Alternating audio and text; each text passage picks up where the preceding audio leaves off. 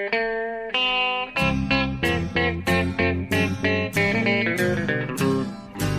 out there, we're on the air. It's hockey night tonight. Tension grows, the whistle blows, and the puck goes down the ice. The goalie jumps and the players bump, and the fans all go insane. Someone roars, Bobby scores at the good old hockey game. Oh, the good old hockey game is the best game you can name. Hallå, hallå, hallå, hallå, hallå, hallå!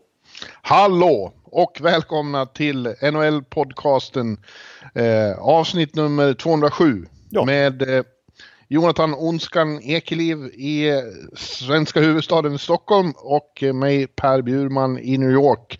Och eh, när vi spelar in det här är det eh, 11 september och det är alltid en, en eh, speciell dag här i, i stan. Det är eh, dyst, lite dystert, lite eh, sordin på stämningen så. Eh, Det är, Ja.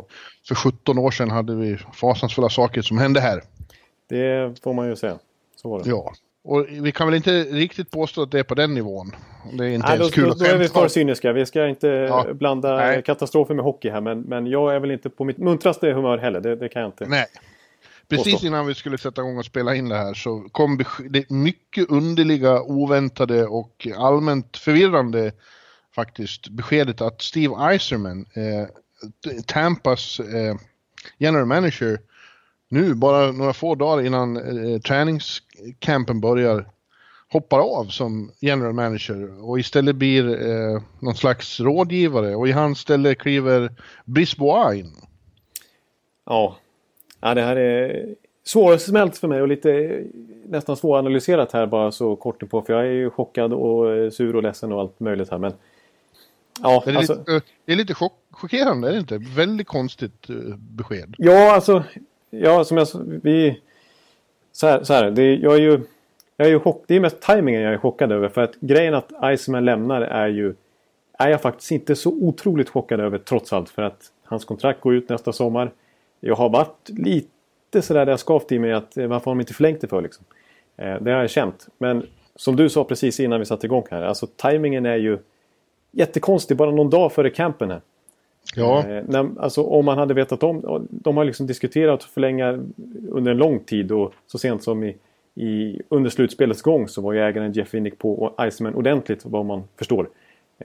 Men Iceman har velat hålla ut på det och sen så nu den här tiden, precis när säsongen ska sättas igång på allvar och spelarna samlats igen. Då väljer han att ta beslutet. Varför inte göra det efter slutspelet så att Brisbois hade kunnat fått sommaren på sig här nu och fatta beslut. För då vet man ju att Iceman har haft det i bakhuvudet till exempel när man har gått efter en Karlsson och sånt där. När han vet att han förmodligen ska lämna ändå. Eh. ja, fast det är inte säkert Jonathan. Nu vet nu, nu, nu är det, eh, det finns ju inga, det finns ju ännu inga, eh, när vi spelar in i alla fall så finns det inga eh, besked om varför Nej. det här har hänt, eh, vad det beror på att han hoppar av. Men allt tyder ju på att det här är någon slags eh, psykisk eh, stressrelaterad historia. Jag, läste någon som sa här att det här påminner mig om när, när de hade tagit OS-guld och eh, han hade pratat med Iceman som då hade sagt att han var alldeles för stressad för att kunna njuta av det överhuvudtaget. Jag tror det var Vancouver. Ja, ja. Eh, och och eh, det, det indikerar ju då att, eh, att han kan ha eh, den sortens... Eh, det här, att det här jobbet tar en sån toll on, on, on him. Eh, och då, då har han förmodligen tänkt att han, med bara ett år kvar, att han ska kämpa eh, och bita ihop. Men har kommit till en punkt där han inser att det inte går. Och, och jag, jag har svårt att se något annat, om det inte är någon familjetragedi eller något sånt. Ja, för samtidigt så är det ju... Han har ju varit med och verkligen byggt upp det här laget från grunden. Han tog över ett lag i kaos 2010. Eh, när, de, när Jeff Winnick anställde honom. Eh, Jeff Winnick som ju var frälsarägaren kan man säga då. Då var ju Tampa ett lag i spillror som NHL fick kliva in och äga ett tag. Och det var ju en, en jättegrej att Iceman kom då som han har byggt upp det här laget. Men nu har han ju... Det här säsongen kanske skulle bli hans absoluta klimax. Med Ja. en Stanley Cup-titel så av den anledningen skulle han ju inte heller vilja lämna egentligen. Så ja, det, det är svårt för oss att spekulera. De ska ha en presskonferens om två, tre timmar. Eh, Ja. när vi spelar in det här. Eh, så att vi vet inte riktigt svaret än. Men ja. Eh, Ja, det, är i alla fall, ja, men... det är tråkigt i alla fall. För det är ju så mycket som han har betytt för den här klubben. Det, det kan ju Detroit-fansen skriva under på i sin, i sin klubb vad han betydde där. Men han har ju varit ett enormt lyft och räddat en klubb. Kan man säga. Ja. I mitt fall också. Ja. Men är det, är det sån, eh, psykiatriskt betingat då... då, då, då jag, ja, då kan inte jag sitta till, här och klaga liksom. Jag vet tillräckligt mycket om det för att förstå i så fall vad, att eh, ibland kommer det till punkter där det inte det inte går helt enkelt. Eh, det, har, det har ju redan hunnit explodera konspirationsteorier i Michigan om att det här är bara för att han vill hem till Detroit. Men det ja. tror jag inte en sekund på. Varför, ja, skulle han då göra, varför skulle han göra så här då? Och apropå timing då som sagt då, så är det ja. väldigt konstigt när Ken Holland skrev på ett nytt tvåårskontrakt så sent som i april. Ja, det är klart det inte har med det att göra. Då hade han väl gjort den här säsongen och sen, sen eh, tagit sig till sin gamla klubb. Precis, och då hade ju Detroit och han haft koll på läget samstämmigt då. Liksom. Det hade ju inte skett på det här viset. Det, det verkar väldigt konstigt. Ja, mycket. Ja, det var en förvirrande... Men, men eh, Brisbois? Han, han, har varit hans högra hand eh, under ja, de här åren. det var ju Brisbois som eh, plockades in av, av Iceman eh, redan direkt där 2010 från eh, Montreals organisation. Faktum är att då var både Brisbois eh, och eh, Guy Boucher det var de två som rattade Montreals farmarlag Hamilton. Eh, Brisbois var general manager där och Boucher coach. Mm. Så att eh, han har ju varit med under hela Icemans period i Tampa och han plockar därifrån.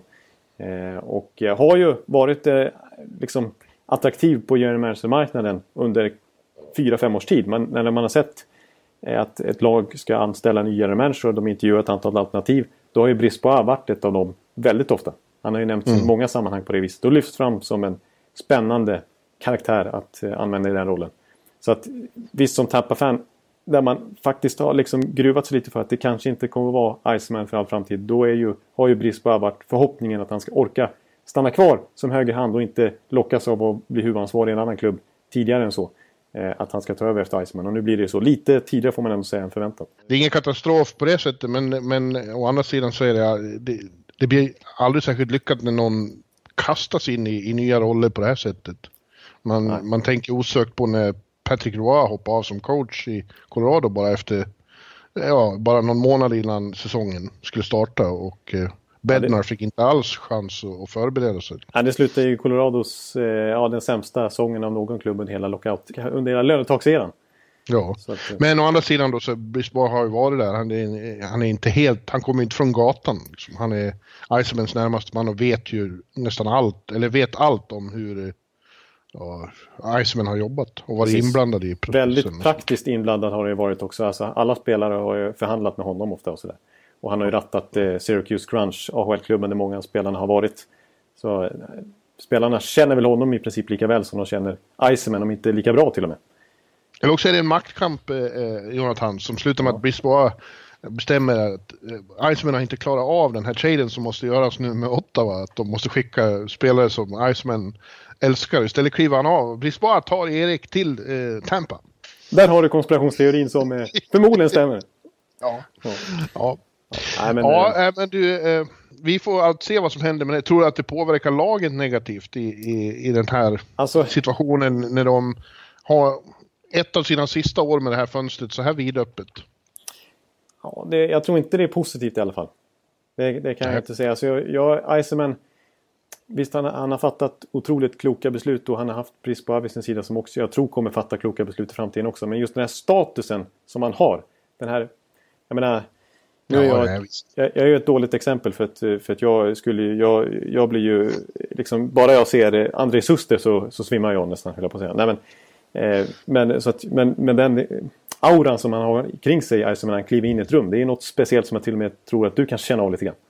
Jo, jo, vi satt ju på, på eh, vad heter den, sportbaren där? Ja, ja. Eh, Champions. Ja. När, han, när han kom in och satt sig med Pierre LeBrun och vi satt, då var det inte långt ifrån att unge Ekeliv svimmade faktiskt. Nej, då fick jag liksom klunka på lite grann för att eh, bedöva mig själv, på att Nej, men... Jo, men jag tror att det är mer psykologiskt vad gäller själva den där auran. Men det är inte så att coacher och Victor Hedman blir sämre för att det här händer.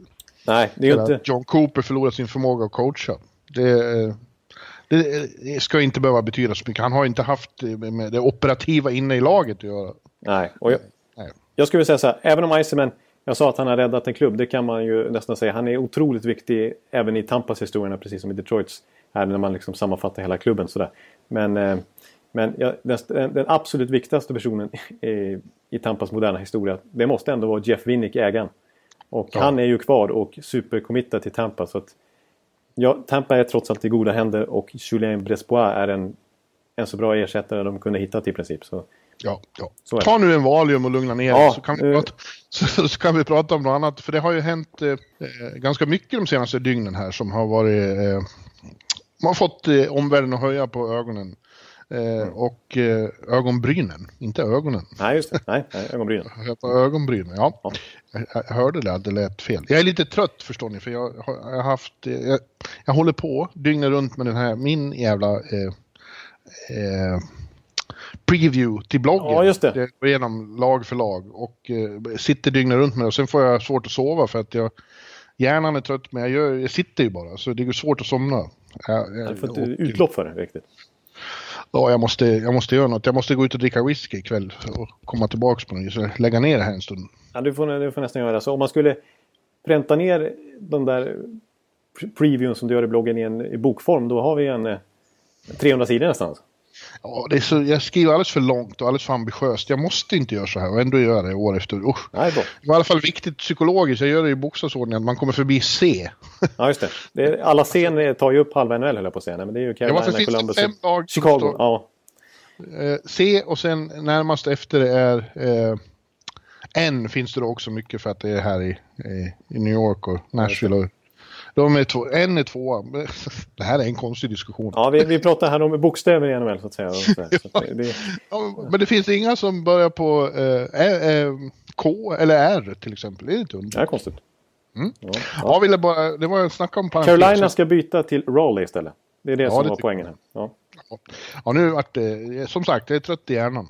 Ja, ja. Eh, och eh, vad var vi nu? Jo, det har hänt det har hänt mycket saker och eh, en, en stor trade igår var ju då eh, att eh, Max Pacioretty tradas från Montreal till Vegas i utbyte mot Thomas Tatar och stora framtidslöftet Nick Suzuki. Ja. Och, och ett, och ett andra val. Ja. Ja, det, var, det, det, det är var... Columbus grej, det har något med William Karlsson att göra, det där andra valet. Det var Columbus. Ja, just det, precis. Ja, det är väl... Ja, kanske positivt eh, för med sig någon slags tur eh, för en gångs skull upp till Montreal kanske. Ja, ja och, eh, som saker och ting har utvecklats i Montreal så var det inte helt eh, eller inte helt, det var inte alls oväntat att han eh, tradades bort innan, innan säsongstarten.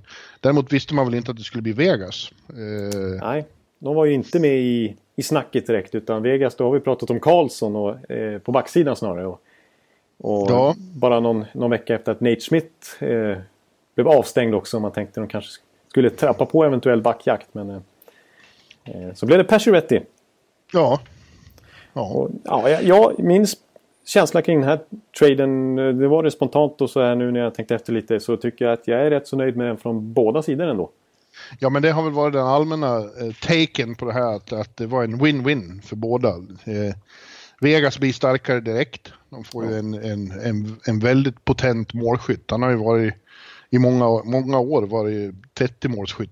Ja, de fem av de sju senaste säsongerna, då är en av de säsongerna var ju senast då som var lite tung och en av dem var lockout-säsong där det var naturligtvis så svårt att göra 30 mål när man bara spelar 48 matcher. Så att han är ju en, nästan en garanti för 30 mål. Ja, och så skrev han på direkt ett nytt kontrakt. Mycket pengar med en bra, bra term som ni säger. Ni, ja, ni som ja, pratar NHL-lingo. Ja, där måste jag ändå ge McPhee att han har... De två veteranstjärnorna liksom, han har plockat in här har han eh, fått en väldigt bra term på. För annars har ju den typen av 30-31-åriga UFAs typ. Eh, nu är Persuetti mm. nästan UFA. Eh, eh, fått sådär sju år som Andrew Ladden, en Frans Nielsen sådär för några år sedan. Men, men bara tre år på Stasny och så bara fyra år på Persuetti. Det, det är bra. Mm. Och eh, för deras del då, för Vegas del, så Tatar var ingen succé där. Så det, och, och, det var en dålig trade eh, ja. med Detroit. Eh, de blir omedelbart starkare av den här traden, absolut. Ja. medan då Montreal som och nu mer eller mindre officiellt befinner sig i en rebuild, så kan man ju säga. Ja, det kan man de blir starkare på sikt då. Men Suzuki är ett väldigt intressant, en intressant prospect har jag förstått. Ja, alltså visst. eh, Ska man se det i ett jättestort, liksom zona ut ännu mer så är det klart att eh, det är väl inte... Alltså att så har ju Montreal inte skött det här bra. De målar in sig i ett hörn. Men utifrån de förutsättningarna, så som vi gnällde på Bergevin förra veckan när vi gjorde vår preview på Atlantic. Eh, så, så var det ju nästan det bästa de kunde få ut av Pacioretty.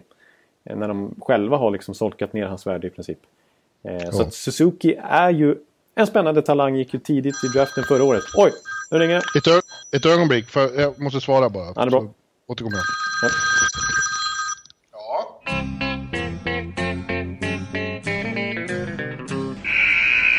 Vi hörs sen. Ja, hej hej. Ja, Så kan det gå. mamma ringde och undrade om eh, orkanen hade kommit hit. Jaha, kom men det, det tycker jag är fint, fint gjort. Ja, Så vi fortsätter. Ja, det var, det var ett bra inslag vill jag ändå hävda. Men, eh, nej, men jag var på Suzuki där. Det är ju en, eh, en spännande talang. Valdes som 13 här när eh, Vegas hade tre val i första rundan sitt, ja, förra året då, när de debuterade i, i draften. Och har ju öst in poäng i juniorligan och ses ju som en spännande centertalang.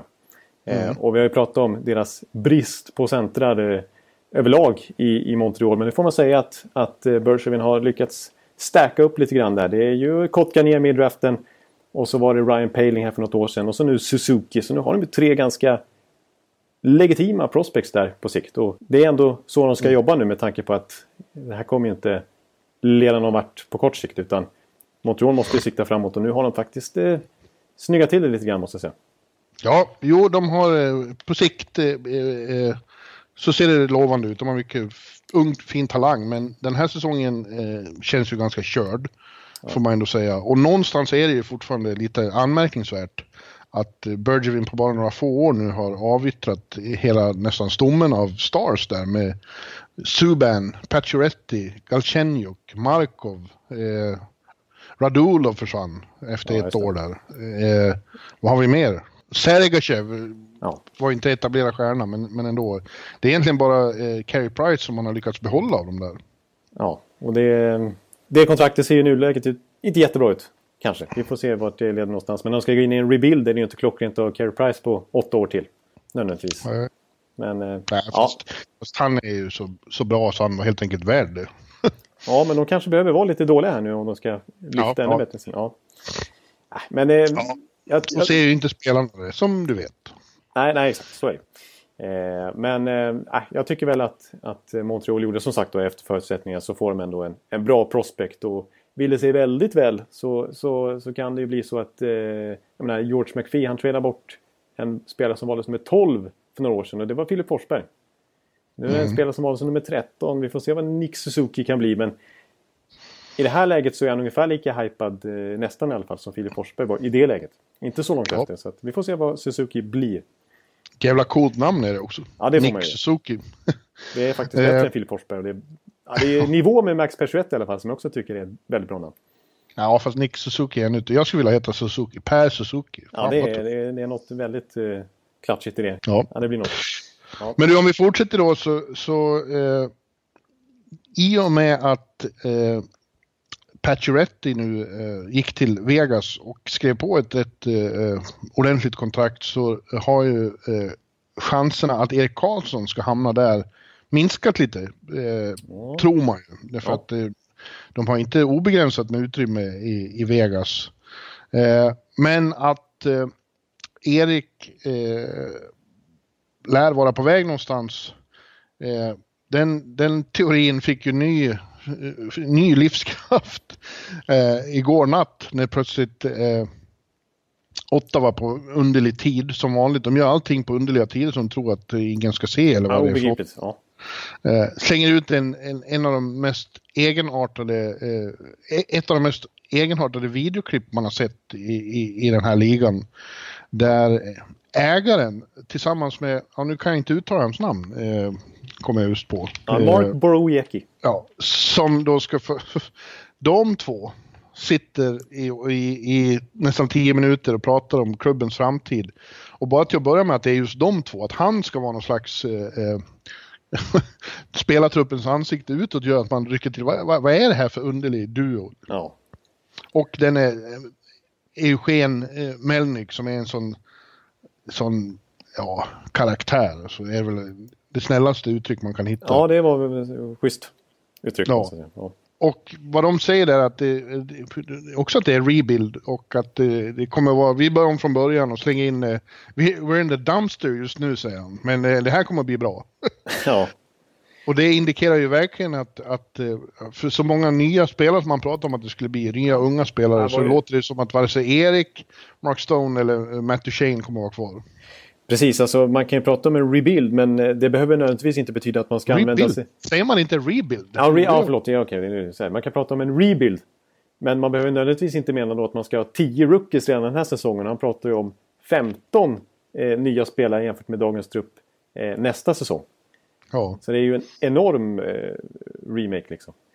Och, eh, ja, men men eh, överhuvudtaget så var ju den här videon bara bizarr. Alltså Mark Borowiecki av alla ska vara the face of the franchise nu. ja. En liksom sjunde Ja. back i flera års tid och som vars främsta styrka är väl att rensa pucken och, och tacklas och täcka skott ungefär och, och vara lite old school. Medan eh, Eugene Melnyk, eh, eller ja, det är klart han är ägare av klubben men en ägare sitter ju aldrig ner nödvändigtvis och pratar om det alltså sportsliga exakt vad som ska göras. Det är ju upp till Pierre Dorian som är anställd för att vara sportsligt ansvarig. Ja, han såg ju minst sagt obekväm ut. Nya franchise-spelaren. Ja, Borowiecki, han, han visste inte riktigt hur han skulle agera i den situationen.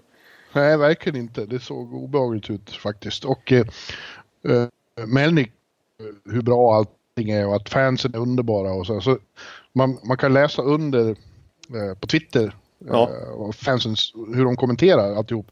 Det var ju en, en slakt och alla pratar om att de ska minsann säga upp sina säsongskort. Han är ju Ottawas mest avskydde man. Ja. Men han, det verkar ju inte gå in. Eller så bara bryr han sig inte. Nej, för att i den där videon så lät det som att ja, vi har fantastiska fans och Ja, Och alla ser fram emot säsongen nu och, och liksom sa till Boreki, alltså det kommer bli så roligt här med massa unga spelare. Det, det, det smittar av sig på dig, det smittar av sig på mig och det smittar av sig på fansen. Alltså vilken, vilken framtid Ottawa Senators har ja. Alltså, alltså, och, så, eh, och apropå de där eh, kommentarerna, du, du nämnde det. Så en eh, kommentar som jag gillade extra mycket, en petitess i sammanhanget och som man inte ska dra några slutsatser av. Men som var lite typiskt. Det var att när han satt ju där med en Ottawa-tröja Melnick på sig. Och det var inte, det var som någon kommenterade, det var ju inte en sån här ny Adidas-tröja som de använder sig av nu utan en sån här gammal Reebok som de inte får sälja längre. Så det var ju lite ekonomiskt också att ta en, ta en tröja som inte ska in i shoppen sen utan som en, en be- begagnade. Han gillar ju att spara in pengar. Så att, Ja, ja, och som sagt, eh, ry- ryktena kring Erik då har tagit ny fart. Men frågan är då, och, och, och det skrivs på flera håll att det kommer bli en trade innan torsdag. Så man, nu, nu börjar man ju bli lite luttrad vad gäller de här ryktena, för så har det ju för fan hetat ända sedan i, i mars. ja. Att nu, nu händer det och nu händer det och nu händer det. Men eh, vi får se. Om det då inte blir Vegas så är det ju väldigt intressant vad det blir. Ja, och det, och det här har man ju det här har vi försökt lista ut nu med alla möjliga olika analyser i alla de här avsnitten. Men det är, ja, jag, eh, jag vill bara att det ska ske nu så att, så att vi vet. Det Ja. känns som att det kan bli vad som helst. Liksom. Ja, det gör det. Har jag slagit fast Vegas nu alla gånger så känns inte det helt plötsligt troligt. Så jag, nej, jag vet inte vad det kan bli. Men kollar man på Ottawas trupp nu. Det är, ja, det är ju en, eh, ska det in 10 rookies i laget då är det ju en 7-8 ordinarie spel som ska bort nu den här säsongen. Ja. Så att, eh, då snackar vi ju fire sale direkt. Ja, ja det, det blir som vanligt eh, intressant att följa utvecklingen i Ottawa. Denna underliga klubb. Som blir underligare och underligare. Ja. Ja, jag läser på eh, Twitter, Joe Smith, eh, ju som har bra koll på Tampa. Han har ju varit eh, beatwriter där för, för eh, lokaltidningen och nu är på Athletic och fortsätter följa eh, Lightning. Han skriver Iceman told eh, the Lightning players he was heading back to Detroit but he was unclear if that meant to live or to ev- eventually work. Ja. Ja. Ja. Hur, hur flyttar man från Tampa, det, som är så underbart, till Detroit, där vintrarna framförallt inte är så särskilt underbara?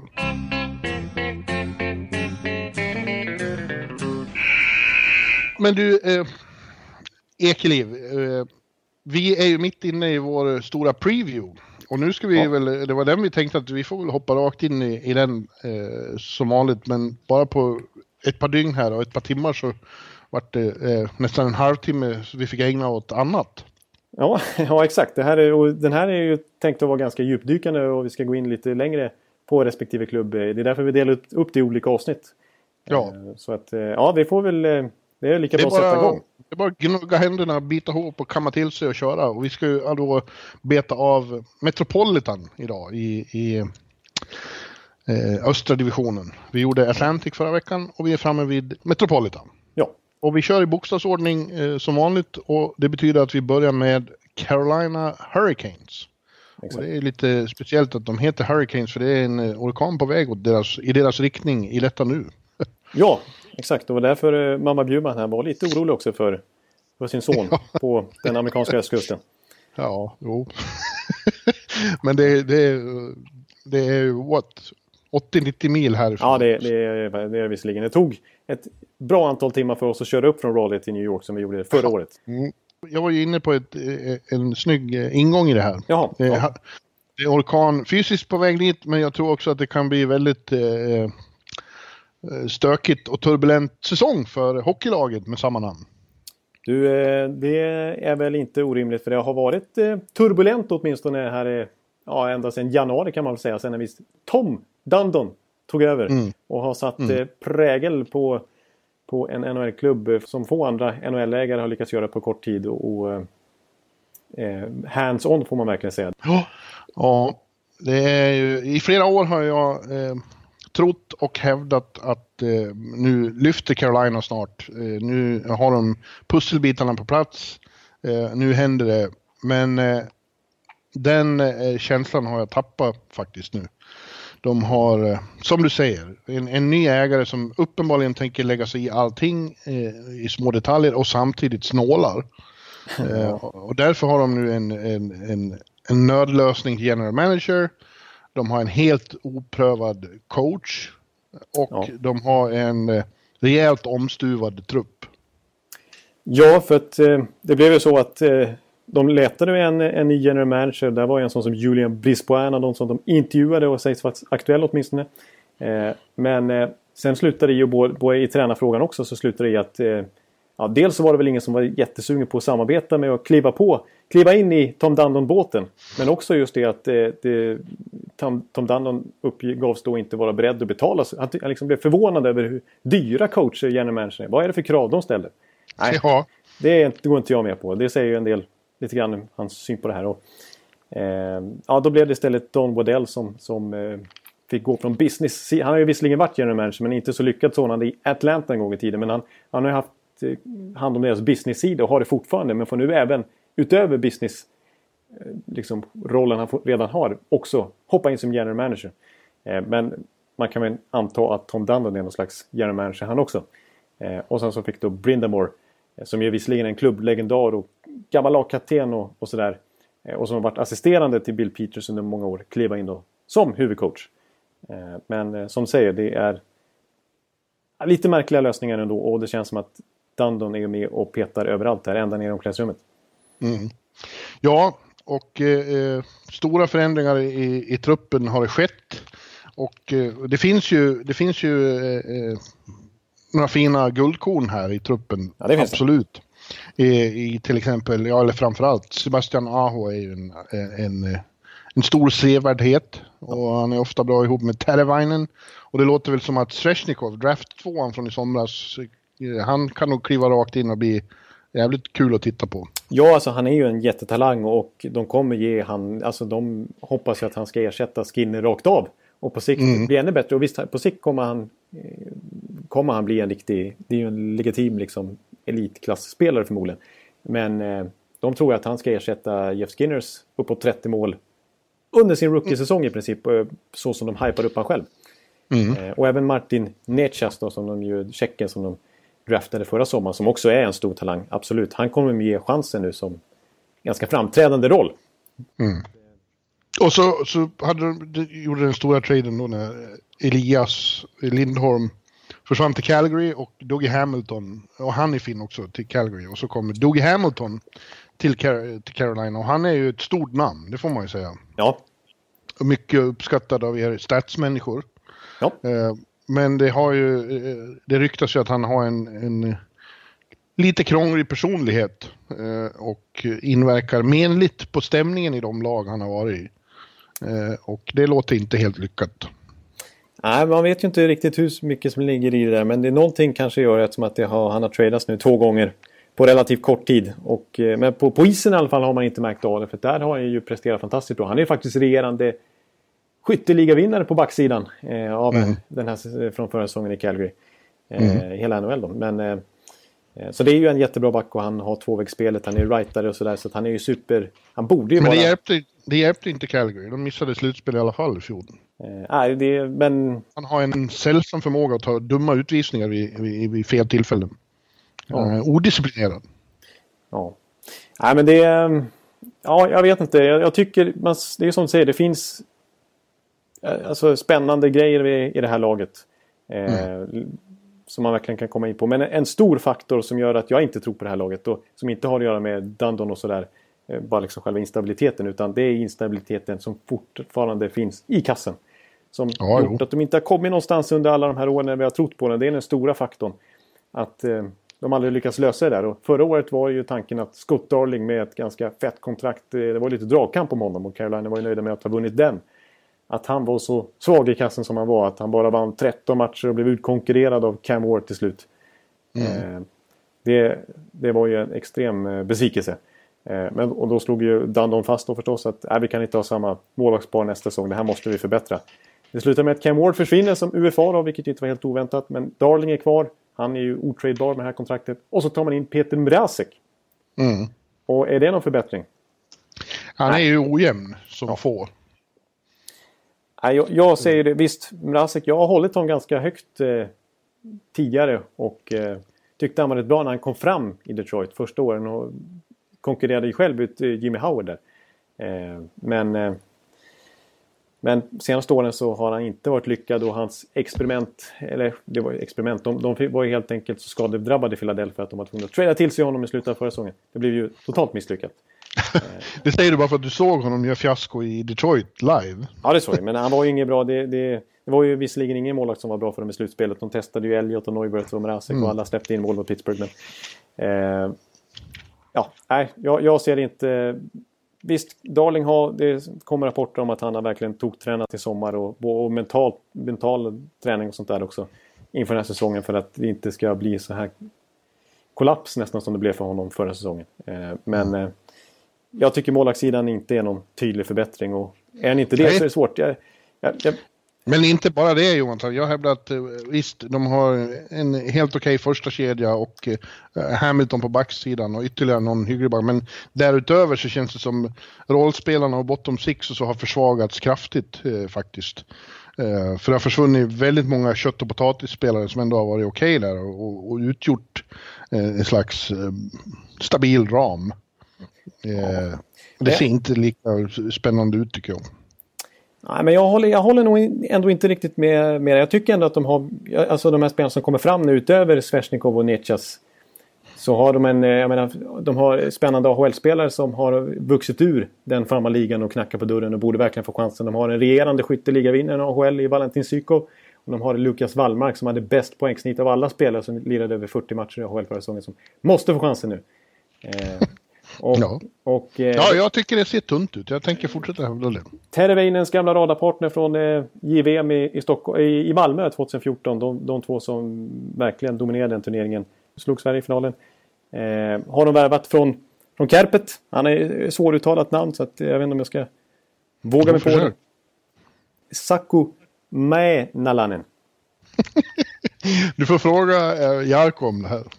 Ja, han tror jag blev jättebesviken nu och stängde av i princip. Men, eh, ja, han, var, han har i alla fall eh, varit väldigt bra i, i, i Kärpet där han har vunnit ett antal titlar. han var ju radarpartner med Terveinen men han spelade alltså, alltså ihop med Aho då innan Aho åkte över också. Så att han har verkligen en tydlig koppling till båda två. Nu tror jag inte att han går in i första kedjan ihop med dem direkt men det är en spännande spelare. Jag tycker att de har många talanger. Ja, Jonathan, de har spännande talanger men det är inget färdiga NHL-spelare. Det är därför, eh, nu har du en sån här övertro på unga igen som du ja. så ofta har. Men... Att de har varit bra i JVM och i AHL. Nå, det kommer bli jättebra för det känns så fräscht och spännande. Men det betyder inte att de är redo för NHL. Nej, men jag, jag tror inte på, på... Ja, men de här, en sån som Sykov tror jag kan kliva in nu och Men det är klart, visst det är, lite, det är lite för många som ska lyckas för att Carolina... För att man ska kunna tro på Carolina. Det är, liksom, det är så, så pass många pusselbitar som måste falla på plats. Och, för mig spricker det direkt när man bara kollar på målvaktssidan. Men du, backsidan tycker jag är, är stark. Justin Falk är faktiskt fortfarande kvar. Mm. Eh, och de har ju Slabin som jag tycker är fruktansvärt bra. Defensiv back, tvåvägsback överlag, men otroligt bra. Och faktum är att förra säsongen, under Bill Peters ganska hårda nypor och hans struktur på backsidan. Det sjuka är ju så här att de var det lag som släppte till minst antal skott i hela NHL. Så bra var mm. de defensivt. Men de släppte, det var 21, 21 andra lag som släppte in färre mål. Det är ju bara att peka på Darling och Ward. Att det var målvaktsspelet som var problemet. Så, ja, så att, jag... och, och att den där statistiken inte är så viktig som ni tror. Nej, men har man inte en bra målvakt då kommer man ingenstans nästan ändå. Så att, eh, ja, jag tycker nog ändå att Carolina är ganska, har ganska mycket på plats men, men det är målvaktsspelet som är det stora problemet. Och eh, kanske eh, uppe i styrelserummet. Ja, och, och i, i båset. Vem vet vad Rod Brindamore, som aldrig tränat, varit huvudtränare någonstans, eh, går in som huvudcoach. Det känns också som en nödlösning. Ja, det, han känns ju lite från samma skola som Dog Wait. De två som vann eh, Stanley Cup ihop i Carolina en gång i tiden. Mm. Eh, och Dog Wait var ju, hade sina positiva tendenser men det brakade ihop eh, det försvarsspelet totalt till slut. Så att, Ja. ja. Det är också anmärkningsvärt, eller eh, värt att påpeka tycker jag då att eh, det som var ett eh, av de tunga svensklagen där nere är inte alls det längre. Elias Lindholm är borta, Kryger är borta, Joakim Nordström är borta, Claes Dahlbäck är borta. Det är bara Viktor Rask kvar och så möjligen Lukas Wallmark då. Ja. ja, det var ju faktiskt så pass att du åkte ner dit till Raleigh, inte med mig utan i en annan resa bara ja. för att göra svensk-klubben Carolina i ett specifikt reportage. Ja. Men då var Viktor Ståhlberg och Eddie Läck där också. Det ja, var ju, Krylle, Krylle var ju värre än Detroit. Ja. Ja, ja, men de kommer att missa. Men vi, här är vi oense då. Vad kul det då. Och du står på det också. Nej, men jag säger att de missar slutspel, absolut. Men eh, jag tycker att de är spännande. Sjätte plats kommer de på i, i kanske sjunde rent av, i divisionen. Ja, alltså jag. Ja, jag säger inte emot det heller faktiskt. Men jag, jag, tycker ändå att det finns så pass många intressanta grejer här att de kommer liksom vara intressant att följa under säsongen. Men de, de kommer inte vara någon strykpåse sådär. Men, men nära, slut, nära slutspel, det ja. kommer de nog inte vara. Ja, det känns, jag trodde nästan det förra året. Men nu tror jag inte det alls. Eh, helt annan känsla. Ja, ja. Mm, ja. Då eh, tar vi istället och ser om vi kan vara mer överens om Columbus Blue Jackets. Ja. Som eh, du, eh, förresten, det har vi glömt att påpeka. Du fick eh, Hockey News Yearbook idag, eller hur? Ja. Den kom med posten. Det var ju från, mycket trevligt. Att få från. Pappa Baloo skickade en liten tidning till dig med posten. Ja, precis. Och så liksom öppnade man brevlådan och hade nästan... Det hade ju hunnit gå en vecka för det är så pass lång leveranstid. Så jag hade ju nästan liksom inte tänkt på det. Så bara ser jag boff, liksom en jättegrej i brevlådan. Jag blev ju toknöjd liksom. Kliver in och sitter och bläddrar i den. Det var ju... Ja, det var en trevlig morgon här fram till Iceman-beskedet. Ja. Och de då, eh, Hockeynews, de tror att Columbus Blue Jackets vinner den här divisionen. Inte att de går så jättelångt i slutspel, men att de vinner divisionen. Och det låter ju intressant.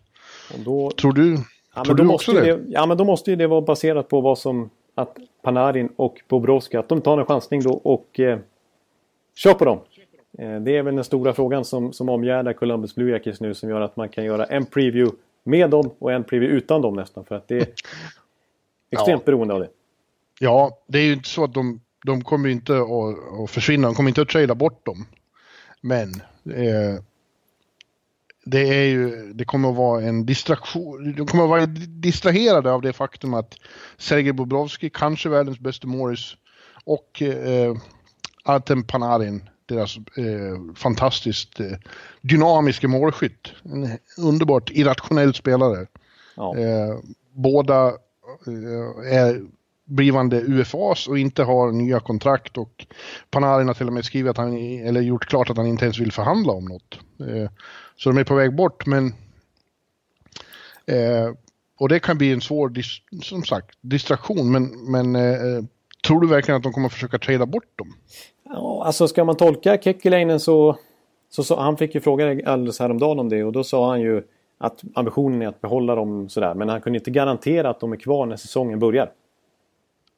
Nej, men det kommer de ju att vara. Ja. Men det, var ändå, det är ändå ovanligt eh, tycker jag ändå att eh, vara lite så Man håller ju dörrarna öppna då förstås för en eventuell trade. Jag tror i så fall är det framförallt Panarin som, som, som kan tradas. Till åtta va? Ja. När vi till Columbus Erik kommer, då jävlar. Ja, ja. Nej men... Eh, skulle de behålla dem? För, för det är många fans som tycker, verkar liksom tycker att de ska behålla dem trots allt. För att ja, Columbus, go for it. Liksom. Ja, alltså för det blir ju lite av deras rentals då kan man säga. Ja. Eh, för att med dem i laget så har ju faktiskt Columbus en inte helt orealistisk chans att vinna Stanley Cup det här året. Eh, de... Ja, det tycker jag är att ta i. Ja, men varför ska de då behålla dem i så fall? Vi är inte, vi är inte ense här heller. Ja, men ska... ja, jag menar alltså, ja, jag förstår att man ska ha, att de ska ha den inställningen eh, och att fansen ska ha det och att det finns en poäng. Men jag, jag, jag tror det blir svårt. Ja, och det, jag ska förklara varför. Ja. Men eh, låt, oss, låt oss utgå från att de är kvar. Eh, ja. Jag tror att de kommer vara det. Beroende på hur det går. Går det skitdåligt under säsongen så då lär de ju försöka avyttra dem. Ja, men det, så, så länge du tror att de är kvar när säsongen startar ja. helt enkelt. De har ju ett, eh, de har väldigt mycket bra saker på plats i Columbus och eh, bra spelare med hög kvalitet. De har en arbetsmoral som nästan ingen annan som Tortorella har, har implementerat i truppen. Ja. Eh, de har, eh, ja, som sagt, en fantastisk målvakt. Eh, och eh, ett av världens bästa backpar i Jones och Wrensky. Absolut. Men det är ju något som saknas. Och som, det var, de, vad heter Athletic hade ju en jättelång intervju med Tortorella här för någon vecka sedan. Mm. Där de pratade om att deras självbild är för försynt fortfarande. De har en... Hela klubben lever med eh, liksom en bild av att de är inte riktigt bland de stora. Eh, och att det påverkar hela psykologin där. Ja, de har ju fortfarande inte vunnit en enda slutspelserie till exempel. Nej. Och det, det, var väldigt signifikativt det som hände i våras. De har ju 2-0 på Washington och sen är det sadden i match 3. Ja. Om de vinner där då blir ju inte Washington mästare med, förmodligen. Ja, då är det en helt annan historia vi hade suttit och pratat om nu kanske. Ja. Men det är väldigt typiskt att Columbus då viker ner sig och inte, och inte gör det. Och problemet är ju då att den här att Panarin och Bobrovski inte vill signa, liksom förstärker den bilden. Eh, och, och tror jag. Och, och liksom ja. får andra, om inte medvetet så omedvetet, tänka ja men de allra bästa vill inte vara här. Vi är ju ändå ingen riktigt stor klubb. Och den mentaliteten leder till att de inte kommer vidare och tar nästa steg i utvecklingen. Nej, det är väl eh, någonting, det ligger ju någonting i det och, och någonting som har, kanske borde förändras nu när man ser att de ändå har en bra trupp på plats och sådär. Men eh, visst, det har varit återkommande i ganska många år att de inte riktigt lyckats få stora stjärnor att committa. En eh, Nej. Rick Nash en gång i tiden och en Jeff Carter som blev rasande när han tradades dit i princip. Eh, och skickades iväg eh, direkt. Marian Gaborik. Ja. ja. Det var en intressant intervju med Tortorella för han, hans, han hävdade då att hans, hans främsta arbetsuppgift bestod i att förändra den här bilden och, och ge klubben en helt annan status både utåt och inåt. Eh, förändra den här eh, självbilden. Eh, men det, det, ju, det, kan man ju också fundera på om, om, om det här fortsätter, om Panarin och Bobrovski liksom signalerar att de inte är intresserade av att vara där. Hur, hur, I förlängningen, hur kommer Torrello hantera det som ju är en, inte världens tålmodigaste och lugnaste kille, kille direkt. Nej, det är kan... svårt att se att inte han kommer att... Flippa? Ja, någon gång på det här. Ja. Jo, det brukar ju sluta så i klubbar till slut när han inte riktigt får det som han vill och det inte riktigt flyter på i den riktning han har förväntat sig. Liksom. Eh, mm. Så det är ju en risk. Eh, och nu ska de ju förlänga hans kontrakt sägs det. Kekkeläinen förlängde alldeles nyligen och eh, Tortorella ska förmodligen skriva på nytt kontrakt innan säsongen drar igång. Men ja, det, det är faktiskt en ganska relevant diskussion kring hela Columbus. Det är det som fattas lite grann tycker jag. Annars så har de mycket på plats. Vi pratar om backparet, målvaktssidan. Bredden på forwardsidan. Panarin är ju den stora spetsen. Men mm. utöver honom finns det ju Atkinson, det finns en Wennberg som förhoppningsvis studsar tillbaka den här säsongen. En Pierre-Luc Dubois som 19-åring etablerade sig som första center där förra året. Som är en riktig Tortuella-favorit. Ja. ja. och de har stärkt upp eh, på, på bredden och djupet med Riley Nash som är väldigt bra ja. signing. Eller, eh, och och, och, och, The Duke också. Anthony Duclair hamnar ju där. Ja, det, det var en sån grej som jag reagerar på. Att han, för där sägs det att, att han... Det var många klubbar som var intresserade av honom och liksom ge en chansning på ett ganska billigt kontrakt. Och slutar med att han skriver på för minimumlön. En spelare som ändå bara är... Han är ju 95 och redan gjort en säsong med 22 mål. Och att han mm. får minimumavtal när andra liksom, betydligt mindre etablerade spelare som inte visat så mycket i sin karriär hittills kan få en miljon av någon annan klubb till exempel. Eh, men, eh, men att då Tortorella ska ha en plan för honom och verkligen ge honom chansen och att han ser att det finns en bra spelare i The Duke som bara kört fast. Mm. Eh, så vi får väl se det. Men det, bredden är, är bra. Alltså Boone Jenner och eh, Josh Anderson och sådär. Det, det, ja. det, det, det, det, är ett bra lag. Ja, eh, ja, det är ju det på pappret. Och eh, igen, eh, de borde vara med och, och slåss i toppen i, i, i divisionen. Eh, men på, på, grund av de här sakerna jag, jag eh, nämner så tror jag att det blir eh, att slåss om en av wildcard-platserna igen. Nej, det, det kanske är risken att, att den här diskussionerna hit och dit och, och, och, som de inte vill ha. Seth Jones var inne på det när han blev intervjuad häromdagen också. Att det vore a shame om det här ska spegla vår säsong. Alla de här skriverierna och allt prat och behöva svara på det. De frågorna i omklädningsrummet hela tiden. Mm. Eh, om det präglar deras säsong så är det klart att det kan inte vara positivt. Men... Nej, och det jag nämner, inte bara men just den här självbilden, imagen de har av sig själva. Att de inte riktigt är eh, på Pittsburgh, storebror Pittsburghs nivå och Washingtons nivå. Att de, eh, de måste kaxa till sig. Ja, precis. Och det vore ju, på det viset vore det en ruggig markör om, om de skulle fått Panarin att stanna. En få sin, mm. en sån superstjärna verkligen committa för dem. Men nu ja. verkar det ju, alltså skulle han lämna så tycker jag att det ändå blir ett, ett ruggigt bakslag för klubben. Även om de ja. har mycket annat på plats så blir det som mentalt tungt organisatoriskt. Mm. Mm. Så, ja, det är helt avgörande för deras framtid vill jag säga. Och däremot Bobrovski vill jag bara snabbt tillägga utan att gå in för mycket på det. Men där kan jag förstå att även från Columbus sida att man kanske inte vill skriva ett... Det ryktas ju om att han vill ha Carey Price-pengar i och med att han ändå har vunnit två Vessina Trophies och kanske, du nämnde honom som kanske NHLs bästa målvakt. Eh, men han är ju fyller ju 30 bast nästa vecka. Han har haft återkommande ljumsproblem i karriären. Ska man då ge han 10 miljoner i sju år, säger vi. Ja, det är väl eh, kanske inte det bästa businessen, trots allt. Quality sleep is essential for boosting energy, recovery and well-being. So, take your sleep to the next level with Sleep Number. With a Sleep Number smart bed, you can individualize your comfort level and enjoy a better sleep night after night. JD Power ranks Sleep Number number 1 in customer satisfaction with mattresses purchased in-store. And now the Queen Sleep Number C4 smart bed is only $1,599, a saving of $300 only for a limited time. For JD Power 2023 award information, visit jdpower.com/awards. Only at Sleep Number stores or sleepnumber.com. Nej. Ja. ja. Nästa lag i eh, vår tågordningen här är New Jersey Devils. Eh, en av fjolårets eh, största positiva överraskningar i ligan. Ja. Eh, vi trodde att de var på hygglig väg och höll på att bygga något intressant men ingen räknade med att de skulle ta sig till slutspel, men det gjorde de. Ja. Blev bäst, bäst i stan om man räknar in här i storstadsområdet i New York. Och inför säsongen var nog nästan alla överens om att New Jersey blir klart sämst i stan. ja, ja faktiskt. Så var det ju. Eh, att de fortfarande var i lindan av en rebuild. Ja, exakt. Men eh, eh, de gjorde det riktigt bra och nu får samma, i princip samma lag chansen igen. Samma unga fina lag eh, chansen. Ja. Och eh, ja, de hade ju framförallt, eh, de är ju väldigt beroende av en spelare. De har ju NHLs MVP till och med. Ja, nästan ingen är så beroende av en enda spelare. Ja, det är Colorado och Edmonton då. Men vi pratar ju här om Taylor Hall då som var, gjorde en helt otrolig säsong förra året och var eh, mästerlig nästan varenda byte han gjorde hela säsongen. Ja, så var det. När vi såg han live tre matcher i rad så så satt vi och, och blev eh, konverterade till Taylor Hall-religionen nästan. Nej, men så, så bra var han faktiskt. Ja. Eh.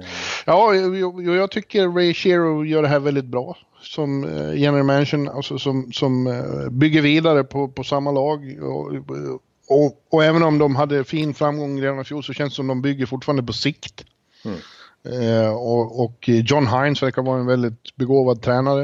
Eh, det är hård konkurrens. Jag vet inte om de går tillbaka till slutspel. De, de kommer ju ha... Eh, de har ju eh, satt sig i respekt på ett annat sätt och det betyder också att de kommer att, tas på större, större allvar av sina motståndare. Ja. Eh, så det, det, kan bli en liten reaktion i år men, men eh, nej, inget snack om att Devils är på väg åt rätt håll. Ja, jag tycker det är en, jag skulle säga ungefär exakt samma sak kring Devils som du är inne på här nu. Att, att jag tror också att det kan bli en liten reaktion och att det kan bli en liten sophomore när en spelare som Jesper Bratt till exempel har lite, betydligt mer förväntningar på sig. Han kom in förra året eh, ja. helt liksom, han skulle ju spela OHL, inte ens AHL. Eh, och en sån som Miles Wood och och Hischier. Pavel Sacha, Hischier så här förväntar man sig att han som första center ska kliva uppåt en kanske 70-80 poäng förhoppningsvis nu. Eh, men, men man ska komma ihåg det att Taylor Hall, alltså hur beroende de var om honom. Alltså han gör alltså 19 mål fler än någon annan i laget. Han gör 41 poäng fler än någon annan i laget. Så det var ju hans... Ja. Det var ju verkligen han all the way. Eh, och, men, men... Ja, det, och det är, ju lite, det är ju lite problematiskt förstås att vara så beroende av en spelare. För att om han blir skadad eller får någon konstig formsvacka då är det inte bra. Nej, ja, nej det är alltså däremot en sak som, när du nämnde John Hines som skicklig coach, det tyckte jag var väldigt frapperande med New Jersey Forward. Att de, att de alltid, de var ju ett ruggigt kollektiv. Mm. Och, och, det kanske berodde lite grann också på det här, eh, alltså förväntningarna. Du kommer ihåg tröjorna som folk gick runt i det, runt i det. det var We Against the World, eller vad var det stod på dem? Det var något sånt där. Ja, just det. Just det. Ja, det var något sånt ja. Det var något sånt där riktigt... Eh, det var, det var den mentaliteten som kändes verkligen kring New Jersey. Att alla skiter i dem och de spelar ute i träsket där och det är ett eh, lag som inte har någonting med slutspelsstriden att göra. Eh, men nu... Ja, men han, alltså de var ju alltid med i matcherna. När de väl, även när de förlorade så var det ju med 2-3, 4-2. Det var ju aldrig de här 6-1 kollapserna som nästan alla andra lag råkar ut för titt som tätt trots allt. Utan, mm. Och när de vann så var det ofta 4-3 och det var liksom alltid jämnt när de spelade. De var, orkade upprätthålla en bra inställning över 82 matcher i princip. Och det tycker jag, tycker jag är bra. Men samtidigt, nu säger jag nu att de har i princip samma lag den här säsongen och Ray har inte gjort så mycket och insett att de ska pika om 3-4 år snarare. Ja, eh, precis. Så såg man ju det när de inför slutspelet tradade till sig en Pat Maroon och en Michael Grabner till exempel. Men det ledde bara till en slutspelsseger. Det tog ju stopp mot Tampa i första rundan. Och då är det bättre att helt enkelt vara tålmodig. Den griniga serien. Jävlar vad e- elakt det vart där. Ja, det var ju till och med Hedman tappade lite grann. Ja, det gjorde han ju. Ja, han erkände ju det efteråt. Han skämdes. Ja. Och var, det han hade, var det Hischier? Nej, ja, det var Hischier. Det var Hischier som han gav en rejäl smäll på kronjuvelerna som inte var snygg. Nej, men, nej, han sa ju det efteråt. Han skämdes och bad om ursäkt och har ingenting på en rink att göra. Ja, mm. intressant. Intressant är ju också att de eh, liksom restaurerade hela sin image, Devils, för de har aldrig lyckats ta sig ifrån det här att de spelar tråkigt och är defensivt orienterade. Mm. Men det var ju ett väldigt, väldigt roligt lag att se förra året. Och jag ser, jag ser mycket fram emot att åka ut dit och se framförallt Taylor Hall och, och, och Bratten och, och Hischer. Eh, de spelade väldigt attraktiv hockey. Ja, Ja, jag, jag, håller med. Och, eh, visst, de är fortfarande strukturerade och prioriterar defensiven och så här, det måste jag säga. Men de har en spelar med sån ruggig fart. Det är det som Ja, är de är så kvicka och ja. men, eh, du får, får, släppa loss på ett annat sätt offensivt. Liksom. Ja. Kreativiteten flödar ju där. Ja, det var kanske därför som Hall verkligen... Att det lossnade för honom. För att han fick ju, han fick ju fria tyglar. Ja. Att, att briljera liksom. Eh, och de har istället för att värva in nya spelare som sagt utan låta det här laget fortsätta så de har lite, ännu lite, liksom lite nya spelare på gång. Alltså, vi får se om coach Qs syssling John Quinn vill få chansen den här säsongen och det finns en Joey Anderson och Michael McLeod och lite andra nya. Jag tror det är snarare de som, som alltså, fortsätter att ta upp folk underifrån än att värva nya spelare. Utan det är ju jättetydligt från Ray sida här att 2022 då kanske vi ska vara med och utmana på allvar. Ja, ja mycket, mycket begåvat eh, handlag med det här laget. Ja, med det sagt så säger jag att de missar slutspelen då, men det gör inte så mycket. Ja, jag tror också det kan bli svårt. De kommer att vara i kön bakom, men kanske inte ta sig hela vägen dit. Nej. Det kommer inte heller New York Islanders att göra. De kommer hamna betydligt längre bak och, och det är ju, beror ju på en sak. Eh, de, de tappade ju sin, sin konung Tronen Ja. är tom. Han reste sig och gick och försvann och lämnade dem i ruiner. Ja, John Tavares. ett historiskt beslut. Ja, det är nästan det är få lag som har varit med om en sån eh, i, i modern tid under, under cap-eran har det, skulle jag vilja påstå att det aldrig har hänt att, att ett lag har åkt på en, en sån snyting. Alltså, the face of the franchise i nästan ett decennium väljer att gå gratis till en annan klubb. Ja. Ja, vi har ju tjatat om det här men jag är fortfarande eh, flabbergast. Ja, Ja, det jag älskar det uttrycket, säg det igen. Det där är... Flabbergast. Ja, över att inte John Tavares under fjolårssäsongen sa att jag tänker i de här banorna. Det är lik... Trada bort mig någonstans nu, försök få så mycket som möjligt.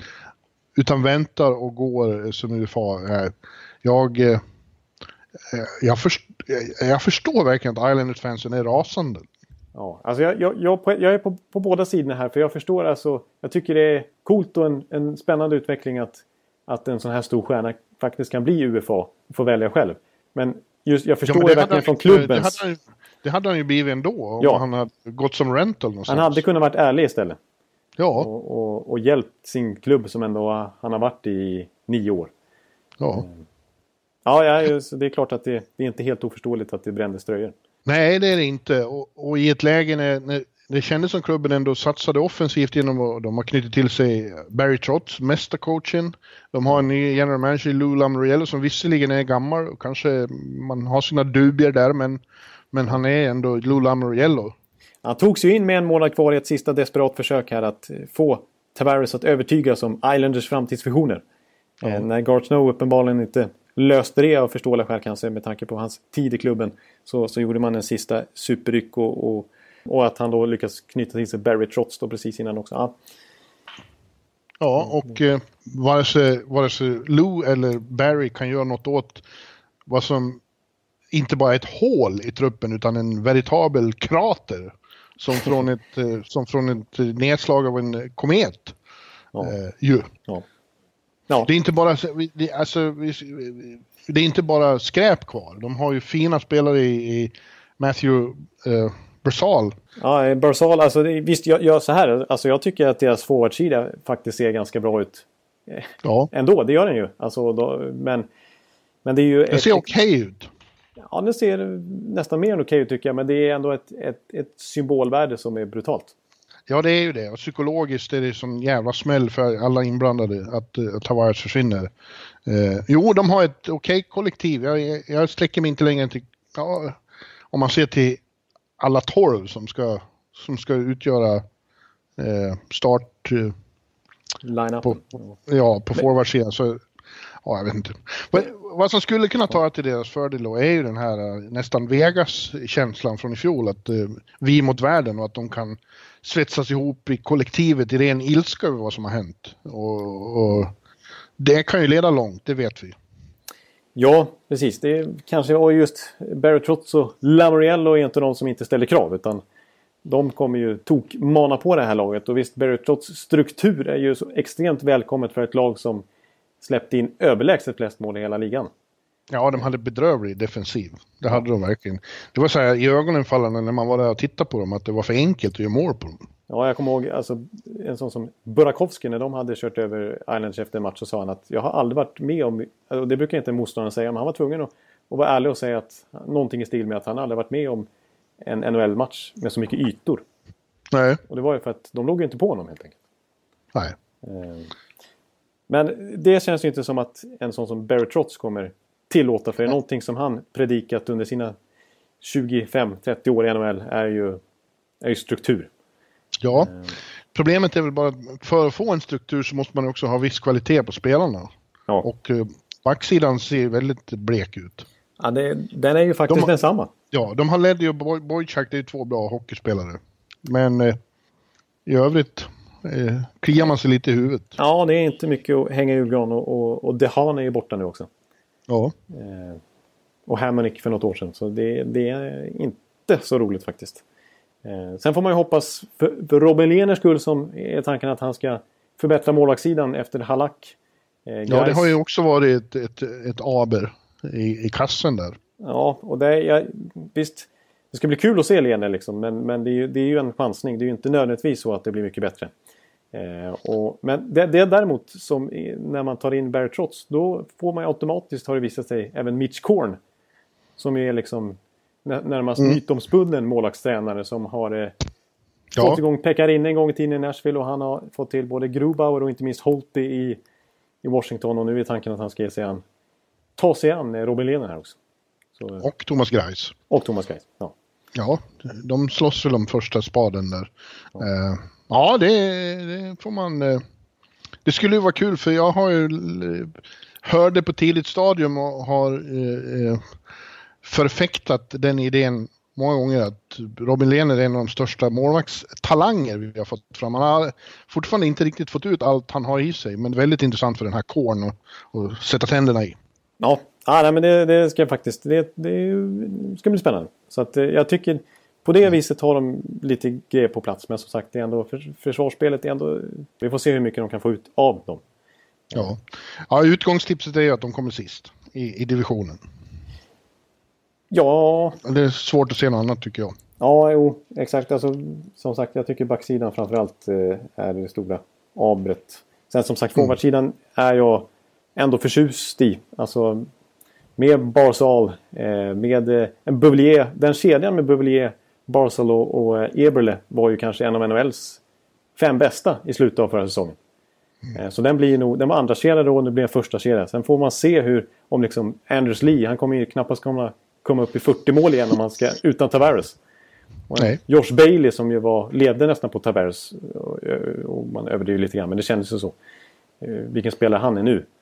Ja, sen, du håller med om att det är svårt, det är tungt att förlora Tavares i alla fall? Lite? Ja, det var ju, finns ju en poäng i det. Nej, men, nej, men sen får man ju se då vad, vad det blir av en, de här Lamoriello-spelare som Komarov och Matt Martin. Det känns ju inte ja.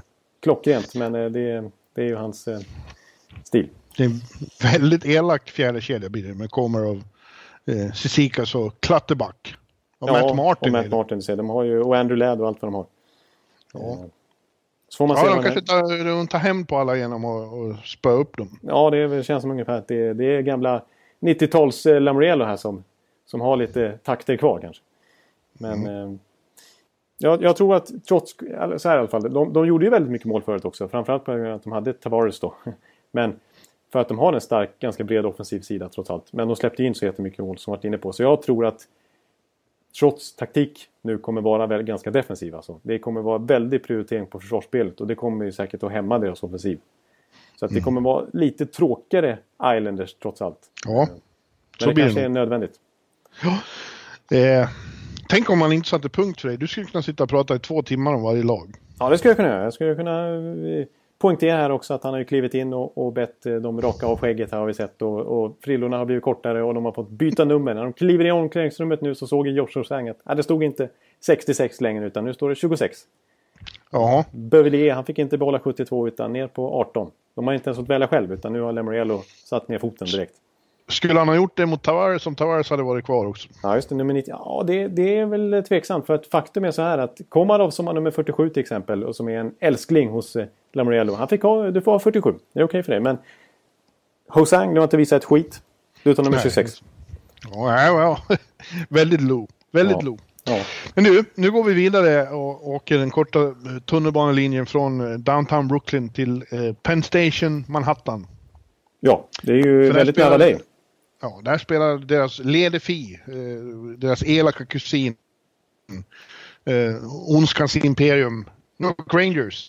Ja. Och eh, utsikterna för dem är för den här säsongen inte heller så jättegoda. För de befinner sig ju i en eh, ganska eh, grundlig och i mina ögon mycket oväntad eh, rebuild. Inte oväntad för att den inte behövs utan för att jag är positivt överraskad över att framförallt ägaren då, eh, Dolan eh, Gå med underkasta sig, mm. ja, underkasta sig en, en, sån långsiktig plan. Liksom, för att det, den här stan och han eh, personligen eh, präglas ju av en extrem otålighet när det gäller de stora lagen. Det, det ska alltid vara nu, nu, ja. nu. Ja.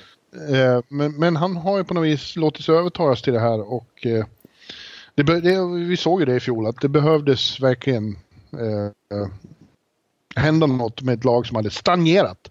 Ja. De hade en okej okay trupp som med lite flyt kunde ta sig till slutspel men hade väldigt få förutsättningar att, att, att, att gå någonstans i slutspelet. Exakt, och, Så att, eh, och på sikt så, så skulle det bli De- förmodligen sämre och sämre. Ja, så de eh, med Dolans eh, goda minne så slängde eh, GM och ledningen i övrigt in en dynamit i truppen och sprängde den och skickade folk åt alla håll och kanter. Det var lagkaptener hit och trotjänare dit. Ja, och istället eh, bygger om från, från grunden. De hoppas att det ska gå lite fortare än det kanske har gjort på andra håll, men en rebuild är det lika fullt.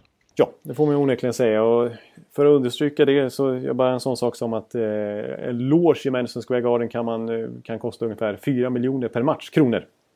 Och eh, det är inte så lätt att övertyga folk att gå med på den kostnaden om de ska se ett lag som är mitt i en rebuild.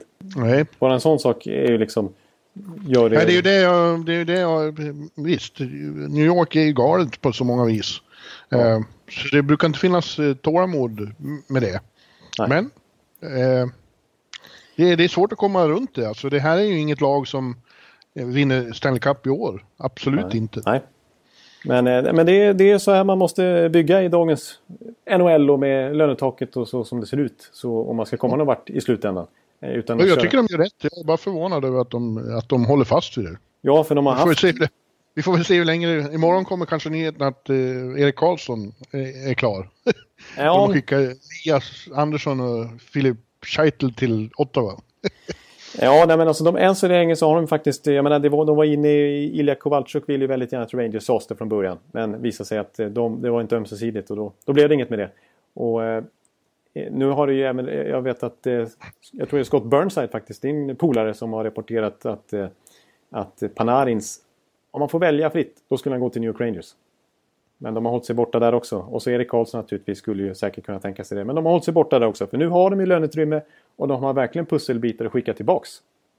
Eh, till, eh, som skulle vara intressanta för andra klubbar. Alltså en, en Scheitel till exempel, en Elias Andersson sådär. Men eh, de, de ska ju bygga om. Ja, Eh, och de håller fast vid det. en, en under, lite underlig eh, nyhet här på morgonen. En, en liten trail är att de har bytt till sig nu idag. Eh, Adam McQuaid från Boston utbyter mot Camphor och ett, en fjärde runda. Det, det känns som en... Ja, jaha. Varför gjorde ni det då? Ja, det är, det, det är lite konstigt. För fansen är ju, precis som du är, en sån som Tobias Pettersson är ju supernöjd med vilken riktning de är på väg och att de faktiskt gör det här. Men så blir man samtidigt förundrad över att ja, de ska ta in en, en superråbarkad eh, backveteran som Adam McQuaid och så förlänger de tidigare somras kontrakt med Cody McLeod. Och det, det är ju inte riktigt eh, på den nivån de arbetar i övrigt. Men eh, just de här gamla old school-lirarna vill de trots allt med på ett hörn. Ja. Det är väl för character in the room helt enkelt. Ja, det är väl det.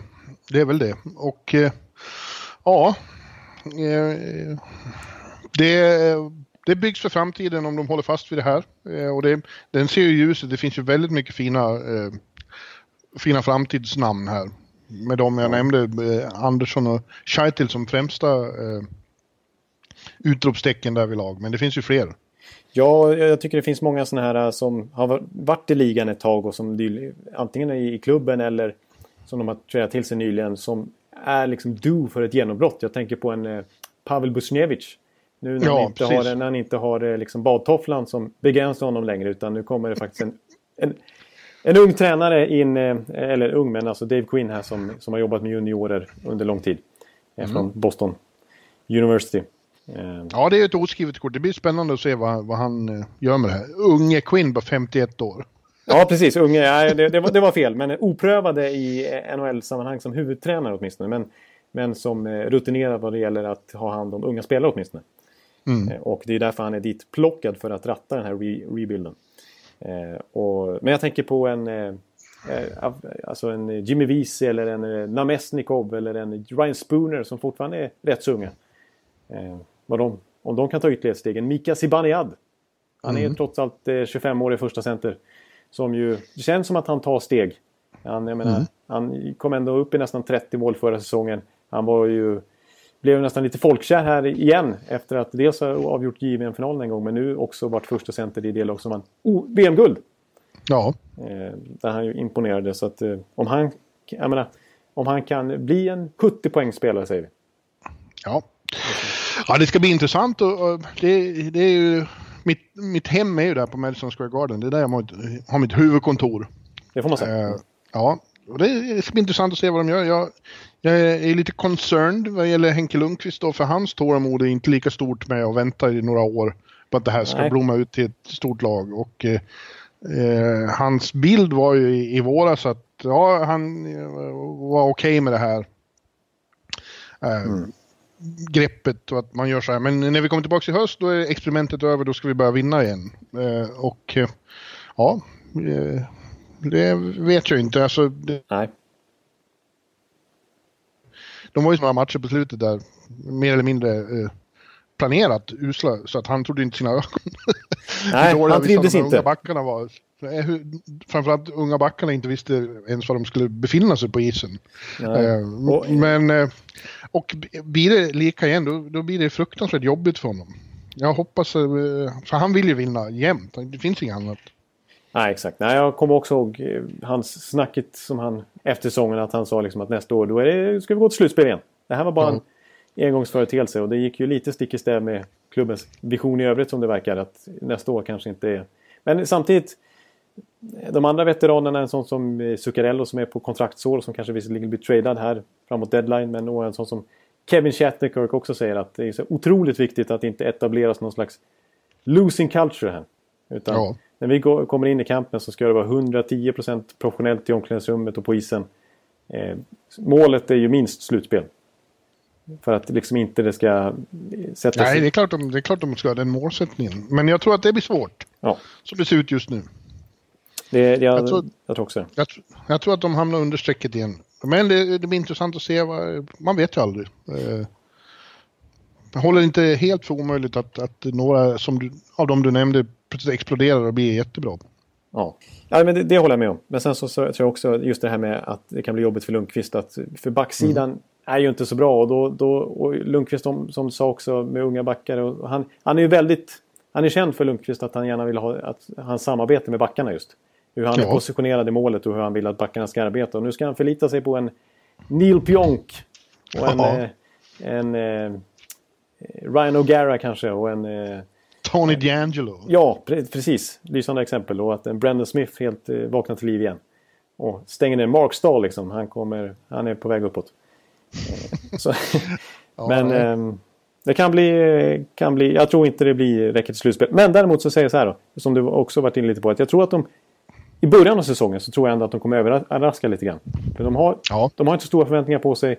De kommer vara tokladda i säsongen. Då kommer Lundqvist och de här inte vara dränerade på energi än. Utan då, då håller de fortfarande hoppet uppe. Och Ja. medan vissa lag, ett Washington, ett Pittsburgh till viss del, ett Tampa kanske, de här topplagen som förväntas bara forsa igenom grundserien utan problem. Eh, kan ha lite, brukar ha lite tungt i början. Så, så att, lite tyngre än vad man tror. Så det går att plocka lite oväntade segrar här och där. Och då tror jag att, att, det, att det kan se bättre ut än vad man tror. För, eh, under hösten åtminstone. Ja, sen, jo, ja. sen tradas Men-. Kreider och, och Zuccarello framåt februari. Tänk, om, tänk om, att, vad vi kommer att behöva påminna om och hålla i folk att det som händer i oktober, november inte nödvändigtvis säger så mycket. Nej, precis. Utan då, eh, nu är liksom den 23 oktober när, när Rangers har vunnit sex av de första åtta matcherna. Då, då är det liksom, kom igen nu, nu ska vi hoppa nära Karlsson. Nu. Du, nu ska jag gå och hämta mer kaffe. Vi har tre lag kvar vi ska prata om. Eh, Ja.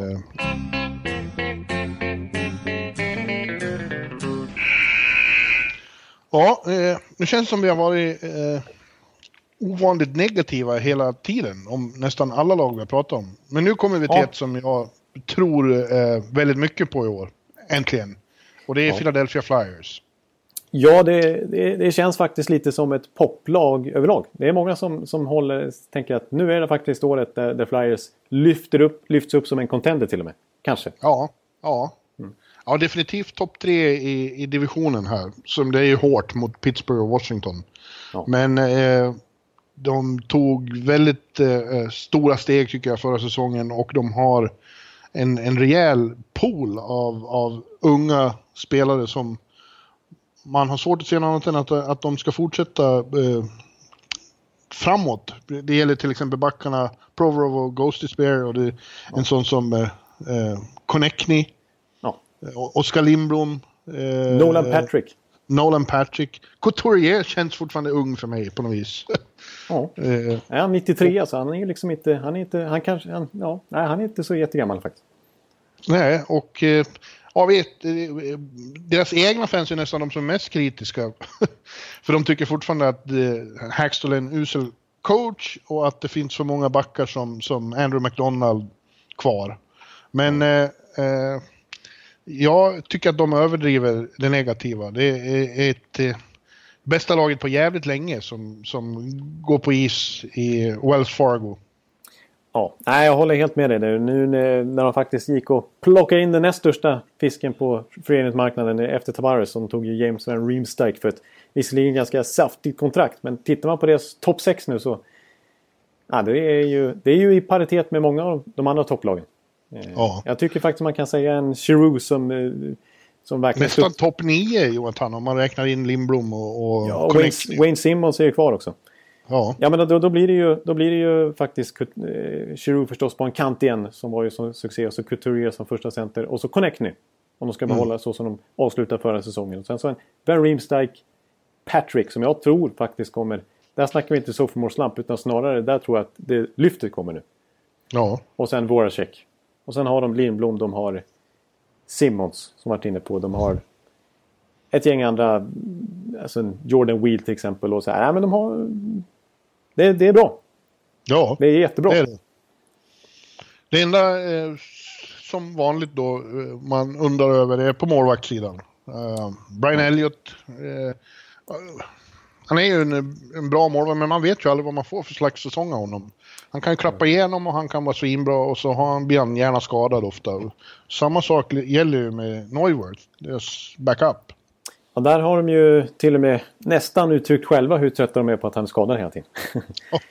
eh, för det, han, det går ju inte en säsong utan att han har en riktigt tung och jobbig skada. Och det är, det är ju synd om han. Samtidigt är det ju... Förstår man ju om klubben blir otålig och, och ger nytt förtroende hela tiden. Eh, men vad som är positivt, inte för just den här säsongen när vi snackar upp om att de ska bli en verklig contender. Men det är ju att de har den mest hypade kanadensiska målakten sen Carey Price i systemet. Eh, som ju har i Carter Hart. Då helt enkelt. Som ju mm. gärna vill ha eh, Pelle Lindbergs nummer 31 för det har han haft eh, liksom alltid. Men det fick han ju förstås inte utan han fick ta nummer 70 nu istället för 31. Det var lite mm. kontroversiellt när han dök upp i en, en Flyers-tröja med nummer 31 men det, det, det blev man ju åtsagda, det går inte. Eh, men, men han, är, alltså, han hade helt osannolik statistik i juniorligan förut. Återigen, nu börjar jag prata om juniorer på det här viset. Tror att de ska ja. slå igenom direkt. Men han hade ju alltså nästan 95 på, på 41 matcher i juniorligan förra året. Vilket är typ unheard of. Och, och blev utsedd till bästa juniormålvakt i Kanada. Och så var han ju med och, och vann JVM för dem också som första keeper. Så att det här är... På sikt åtminstone så är Flyers målvaktssida löst kan jag garantera. Ja, du garanterar det. Det var så ja. fan. Mm. Jag har hört med Gibson och sånt från din sida. Ja, det blev till slut också. Och de har ju eh, ytterligare en ung kille, han Lion gick ju in och var bra förra året också. Ja, men det är, det är Carter Hart all the way. Det är han som... Eh, jo, jo, men då har de en, kanske en bra backup också. Ja, ja men... Det är vad jag säger. Ja, men det som är, det som är lite... Carter Hart, ja, men det är ju framtiden det. Du tror väl inte att Carter Hart tar över för, första spaden redan i år, eller gör du? Jag tror vissa Flyers-fans som är kanske lite överdrivet eh, i min stil ungefär hoppas att han ska ta över direkt. Men så, så verkar inte tanken vara utan det är Neuwirth och, och uh, Elliot förstås som är... Som ska, mm. De vill ju liksom att... Det blir, det blir en väldig press också att sätta Hart direkt redan nu. Gå från juniorligan till att stå i NHL. Eh, så, men han är ju faktiskt... Eh, har ju åldern inne nu för att skickas till AHL.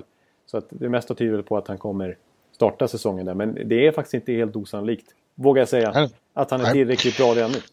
Okej, okay. intressant. Men nu ska vi inte bara snöa in på det. Utan vi ska säga att eh, Flyers har alla förutsättningar att ta ett steg till och bli en contender på riktigt i år. Yes. Ja, så är det bara. Alltså jag, vi, vi får återigen bara understryka Provorov och Gostisbeer också.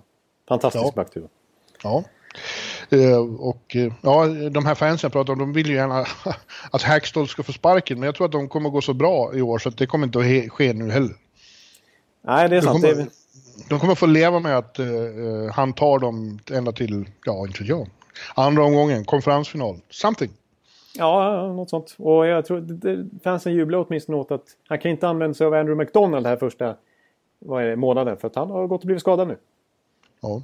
Så att, eh, Och, eh, och så, vi kan ju nämna också att eh, du kommer få inte bara prata med en svensk defensiv eh, back den här säsongen. Utan de har ju tagit in, utöver Robert Hägg som ju slog igenom lite förra året. Etablerade mm. sig åtminstone. Så, Christian Folin. Christian Folin, ja. ja. Som förmodligen tar en ordinarie plats. Framförallt nu när McDonald, McDonald är, är borta. Intressant. Ja. Och eh, som vanligt kommer eh, de att få tampas in the end förmodligen. Och det kommer att vara enastående matcher mot nästa lag vi ska titta på. Deras delstatskonkurrent Pittsburgh Penguins. Ja. Som efter två raka titlar fick ge sig i andra gången mot... Eh, till sist fick eh, vika ner sig mot Washington i, i sex matcher. Och eh, ja. har nu fått för första gången på ett bra tag en hyggligt lång sommar. Ja, det är, de är vana vid att... De har vant sig vid de två senaste åren i alla fall att, att den pågår drygt en månad längre. Ja. Och jag tror att det kan ha betytt mycket för dem att få en månad extra och eh, inte allt halabaloo kring eh, eh, kuppen utan ja, fokusera på nästa säsong helt och hållet. Vad det innebär rent eh, alkoholmässigt kanske att vinna? Nej, mer psykologiskt att det, att det blir sånt fokus på vad man har gjort istället ja. för det man ska göra. Exakt. Som vi kommer komma in på nästa lag kanske. Det kan vara en faktor ja. där snarare. Ja. Eh, och eh, det är inget snack om att Pittsburgh kommer att vara ett hot mot alla eh, igen. Det är ju ett fantastiskt bra lag. Eh, svårt att säga något annat. Fantastisk coach, väldigt bra Morris som snart ska ha nytt kontrakt. In, inarbetade eh, forwardsformationer och eh, en backsida som nu förstärks med Jack Johnson. Jag vet inte om han är så otroligt bra, men det är ändå en förstärkning på något vis.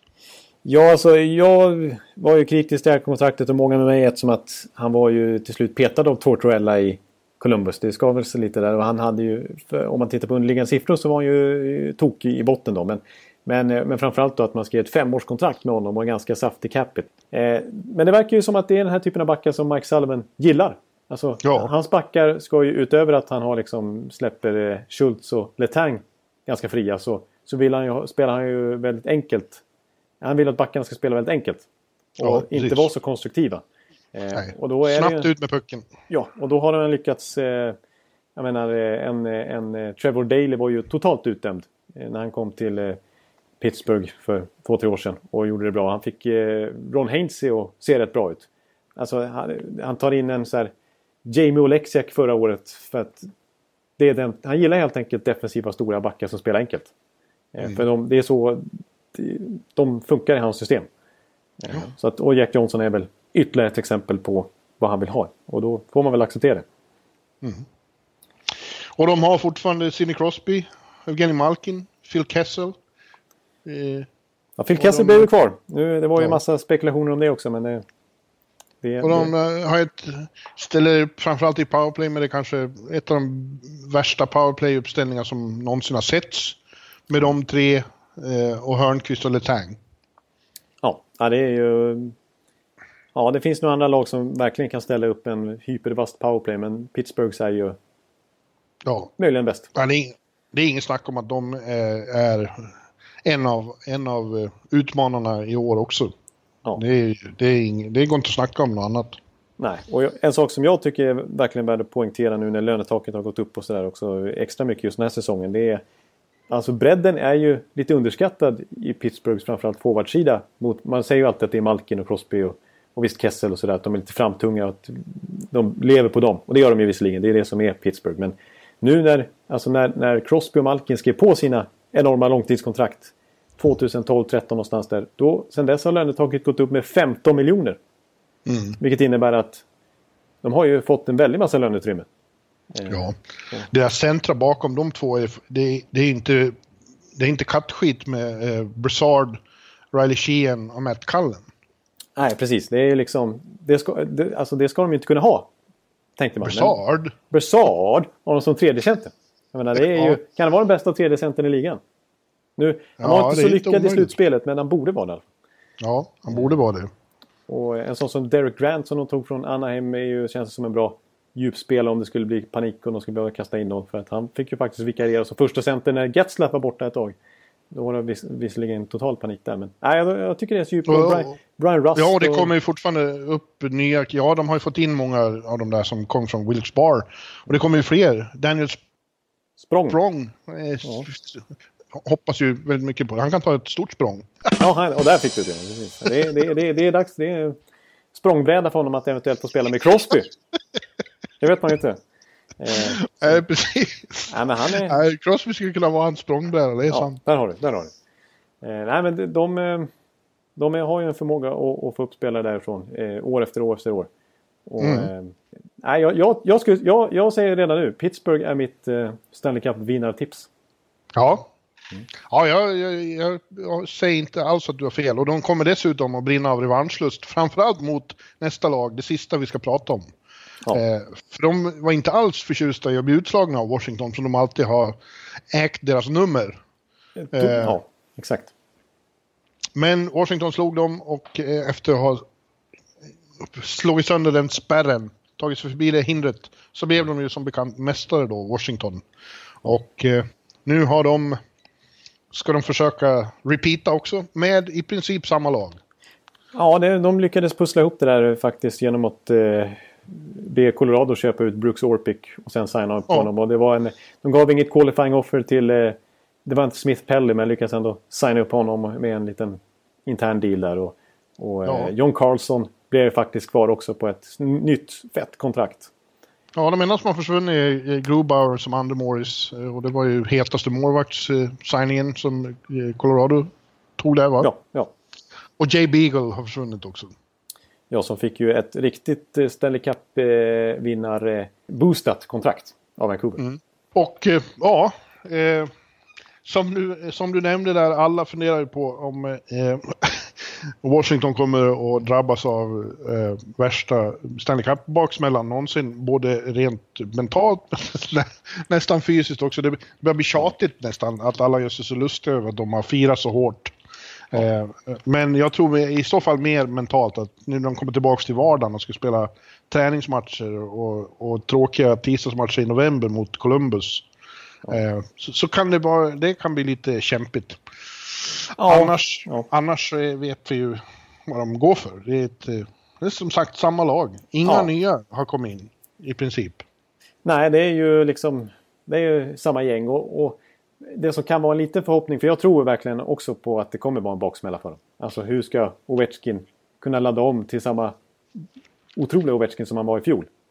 Ja, nej. Det kan vara svårt i grundserien men när de väl kommer sen, om de tar sig ja. bara till slutspel så då kommer det att tända till igen. Det, det tror jag visserligen faktiskt. Eh, men eh, de har lite, jag tycker alltså att det börjar visa sig i slutspelet där att eh, jag menar en Jakub Vrana. Alltså jag, jag tror att det skulle kunna vara en 70 poängspelare. det kanske, nu tog jag i lite grann kanske, men jag tycker jag ser en stor potential i honom. Och en mm. sån som Burakovsky har jag faktiskt tror jag också. Nu har man sagt det i några år men jag tror också att han har ett kliv till, minst ett kliv till i sig. Ja. Så eh, de har lite, lite som kommer därifrån. För jag, än så länge tror jag inte rent kvalitetsmässigt, åldersmässigt att Ovechkin kommer helt plötsligt falla ihop och Niklas Bäckström inte heller och inte John Carlson och inte de här de absolut Nej. bärande spelarna, T.D. Oshie. De har ett antal år kvar. Ja, Så, det tror jag också. Eller det är jag övertygad om. Att, Men äh, det är ju extremt svårt att, att, upprepa en seger. Man har klättrat upp för Mount Everest som de säger och så börjar om igen. Det är inte så lätt. Äh, de vinner inte igen, men de går till slutspel. Eller hur Jonte? Ja, jag skulle säga samma sak. De kommer, de kommer ju ta alltså, Normalt sett så är de ju en grundseriemaskin, men det går inte riktigt att jämföra nu med den inställningen de klev in i den här säsongen. Men de, har, de är ju för bra för att inte gå till slutspel. Oh. Eh, sen får vi se vad det innebär med med Todd Reardon i, i båset, det är ju den stora skillnaden egentligen. Eh, att, men ja. han, har ju, han, är ju, sägs, han sägs ju ligga bakom mycket av strukturen. Och Precis. vara populär bland spelarna också. Ja, det sägs att han hade stor, väldigt stor del i, i den här cup-runnen förra året. Eh, och att det därför kanske inte var, att det därför var så att Washington inte var beredda att lägga alla de här pengarna på Trots. För att de tyckte de hade minst lika bra ersättare i Reardon. Ja. Eh, billigare också. Eh, så att, ja, och det kanske är på ett sätt är lite, kan ju vara bra i ett sånt här läge. Nej, det är väl överdriva för har man en bra coach så ska man behålla honom så länge som möjligt. En Quenville i Chicago, det, det gav ju några titlar till åtminstone. Och även mm. Sullivan. Men mm. Eh, på ett sätt kan det vara bra med lite annorlunda när, när Reardon faktiskt är den som styr. Eh, ja. En liten omställning åtminstone. Ja. ja. Vi, nämner, vi nämner ingenting om, om, Tom Wilsons kontrakt för det har vi redan pratat så mycket om. Eh, vad, vad det innebar. Men han är kvar åtminstone och han är väl den stora karaktären i omklädningsrummet. Typ efter en viss nummer åtta. Ja, de, de hävdar att han är extremt underskattad även på isen. Ja. Att han har stor betydelse där. Ja. Men nu, nu sätter vi punkt för Metropolitan. Jag vet att du vill tjafsa vidare, men här sätter vi punkt. Nu sätter vi punkt. Ja, det är väl bra Konstaterar att, du... att eh, eh, vi glömde i början att prata om det. Vi har ju haft några rookie-turneringar här. Rookie-camperna har rasat på eh, och det har varit några rookie-turneringar. Det började ju väldigt bra för Rasmus Dahlin i Buffalo. Han gjorde två mål och en assist i sin första match. Men man ska ju hålla, man ska ju hålla, hålla sig kvar på mattan. Det är rookie-turneringar. Man möter inga superlag precis. Nej, precis. Det är ju alla lags liksom hela talangpoolen som ställs mot varandra och då blir kvaliteten eh, lite bra på vissa kanter men väldigt ojämn. Ja. Eh, och det är snarare nu den här veckan som kommer nu när, när camperna på riktigt drar igång som vi kan dra lite mer slutsatser av vad svenskarna kanske ja. producerar. Ja, och nästa gång vi pratar då har det spelats några eh, försäsongsmatcher också. Riktiga försäsongsmatcher. Ja. Eh, och eh, kanske har vi en eh, Erik Karlsson-del att prata om. Det, det, är ju så att det händer antingen idag eller imorgon eller så dröjer det. Ja, det är som vanligt här. Men det, kommer ju nya uppgifter som sagt då att, att så, alltså, innan torsdag så är det ja. inte alls omöjligt att vi har den här traden till slut. Nej. Men jag tror Nej, att vi, vi sitter och pratar igen om, om Karlsson ska vart, vart han ska nästa vecka. Det tror jag faktiskt. ja, ja, vi får se. Du och jag återkommer då med Central Division i, i västra konferensen. Ja. Eh, kan du slipa dina argument? Vi är säkert oense om saker där. Jag vet redan att vi är oense om en sak. Ja, okej, okay, det kanske vi är. Ja, det blir, får vi se vad det blir då nästa vecka. Men eh, jag, ska, jag ska slipa på mina argument. Ja, bra. Mm. Och, då eh, säger vi tills vidare, eh, ja, adjö. Hockeysäsongen är igång. Vi återkommer om en vecka. Exakt, och ha det så gött till dess. Då får vi äntligen prata lite riktig hockey med camperna. Gött. Hej hej! Hej! Hallå, hallå, hallå! Hallå, hallå, hallå! Alex Chiazot, Joe Luis Arena och Esposito. Esposito. Uttalsproblem, men vi tjötar ändå. Och alla kan vara lugna, inspelningsknappen är på. Bjuder Hanna Kohl, han är grym i sin roll. Från korrespondenten har han fullständig kontroll på det som händer och sker. Det blir ju allt fler som rattar in hans blogg. Och lyssna på hans podd. One, two, punch, speed, so Hallå, hallå, hallå. One, two, punch, speed, so Hallå, hallå, hallå. Ekeliv, som är ung och har driv. Verkar stor och stark och känns allmänt massiv. Han hejar på Tampa och älskar Hedman. Sjunger som Sinatra. Ja, och det ser man. Nu är det dags för refräng. Dags för magi, Victor Norén. Du är ett geni. Så stand up at home and remove your hats. Höj volym, för nu är det plats. One, two, punch, speed, so Hallå, hallå, hallå. One, two, punch, speed, so Hallå, hallå, hallå. One, two, punch, speed, so Hallå, hallå, hallå. One, two, punch, speed, so Hallå, hallå, hallå. Det är otroligt länge sedan båda samtidigt var så här bra. Hallå, hallå, hallå. Det är otroligt länge sedan båda samtidigt var så här bra.